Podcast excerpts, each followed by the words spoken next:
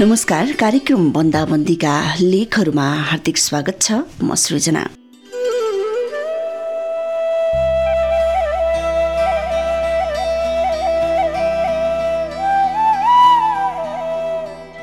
तपाईँ स्वस्थ हुनुभयो भने तपाईँको परिवार समाज समुदाय र राष्ट्र स्वस्थ हुन्छ। त्यसैले आफ्नो र परिवारको स्वास्थ्यमा विशेष ध्यान पुर्याउँ। कोरोना संक्रमणबाट बच्न सरसफाइमा विशेष ध्यान दिउँ घरपालुवा जनावरहरूसँग दूरी बढाएर राखौँ। फ्लू जस्ता लक्षण भएका व्यक्तिहरूबाट टाढा बसौँ यो समयमा कसैको घर नजाउँ अनि कसैलाई आउन पनि नदिउँ। सुरक्षित सामाजिक दूरी कायम गरौँ सफा र सुरक्षित मास्कको प्रयोग गरौँ अत्यावश्यक कामभन्दा बाहेक घरबाट बाहिर ननिस्कौँ समयको गम्भीरतालाई बुझौँ सरकारले लगाएको लकडाउनलाई पूर्ण रूपमा पालना गरौँ। श्रोता मित्र कार्यक्रम बन्दाबन्दीका लेखहरूमा आज भने हेर्ने कथाबाट साभार गरिएको फुर्ती शीर्षकको लकडाउन डायरी मैले लिएको छु। यसलाई लेख्नु भएको छ। रविन्द्र बुढाथोकेजीले उहाँको लकडाउन डायरी यसरी सुरु हुन्छ।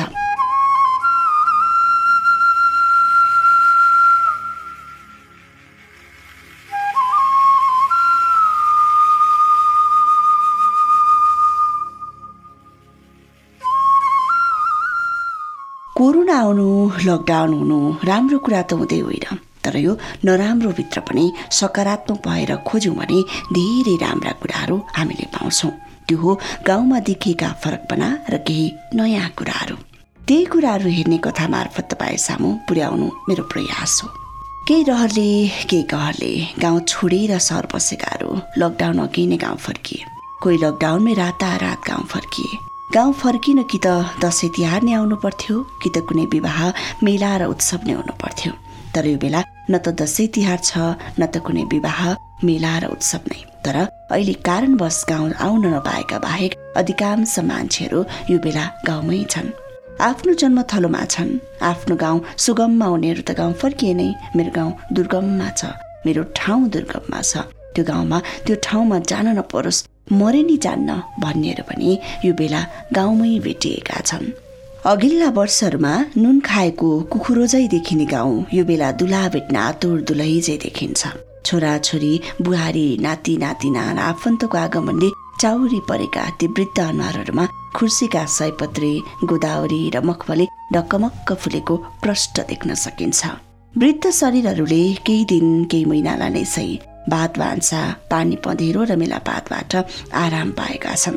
आफ्नो छातीमा भारी बोक्न नपाएर टोलाइरहने चौतारी फुर्तिलो देखिन्छ यो बेला। भर्खरै पुराना लुगा फालेर नयाँ लुगा हालेका बरपिपल साल चिलाउने रहने थुप्रै बोट बिरुवाहरूको फुर्ती पनि कम छैन। तिनै बरपिपल साल चिलाउने र अन्य थुप्रै बोट बिरुवाको डाली डालीमा बसेर चिरबिर चिरबिर चिरबिराउने जुरेली कोइली सारौ र अन्य थुप्रै चराचुरुङ्गीको फुर्ती त झन् बेग्लै देखिन्छ। प्रेममा मग्न ढुकुर र परिवारको जोडी देख्नेलाई त आफ्नो प्रेमको रुमानी संसारमा पुर्याइदिन्छ। गाउँमा सबै कुरा यहाँ भनेर लेखेर साध्य नै छैन। त्यो त देख्न भोग्न र अनुभव गर्न आउनुपर्छ गाउँमै। कङ्क्रिट जस्तै मन भएका कङ्क्रिटे मान्छेहरू बस्ने सहर मरेको बेला गाउँ जीवित देखिन्छ। गाउँका प्राय प्रत्येक घरहरू जीवित देखिन्छन्। केटाकेटीहरू उन्मुक्त छन् बोक्नु परेको छैन।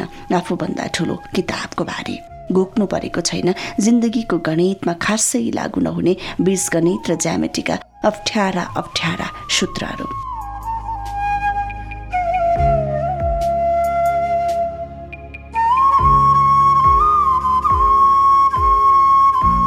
न्युटनका सिद्धान्तहरू केटाकेटीहरू स्वतन्त्र छन् यो बेला।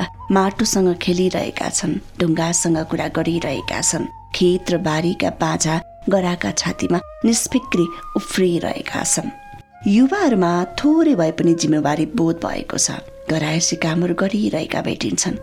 भूकम्पपछि बनेका घरहरूका कुलेसा खाट्दैछन् कोही।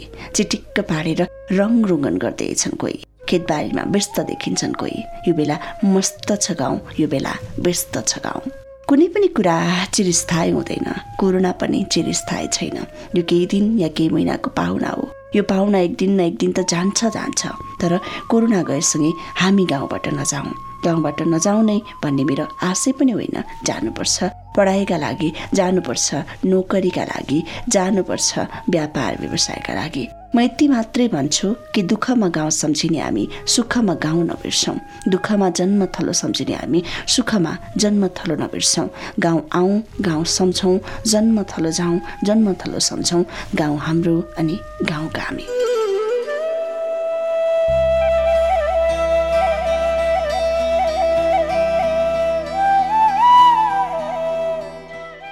रविन्द्र बुढाथोकीले रामेछापबाट लेख्नु भएको हेर्ने कथाबाट साभार गरिएको फुर्ती शीर्षकको लकडाउन डायरी आजको कार्यक्रम बन्दाबन्दीका लेखहरूमा प्रसारण गरे श्रोता मित्र। आजलाई भने बन्दाबन्दीका लेखहरू यतिरै। भोलि फेरि यही समयमा अर्को एउटा लेखको साथमा उपस्थित हुने नै छु। यतिन्जेलसम्म सुनेर साथ दिनुहुने तपाईँ सम्पूर्ण श्रोताहरूलाई विशेष धन्यवाद अनि प्राविधिक मित्र प्रहलादलाई विशेष आभार भन्दै भोलिसम्मका लागि विदा हुन्छु। नमस्कार।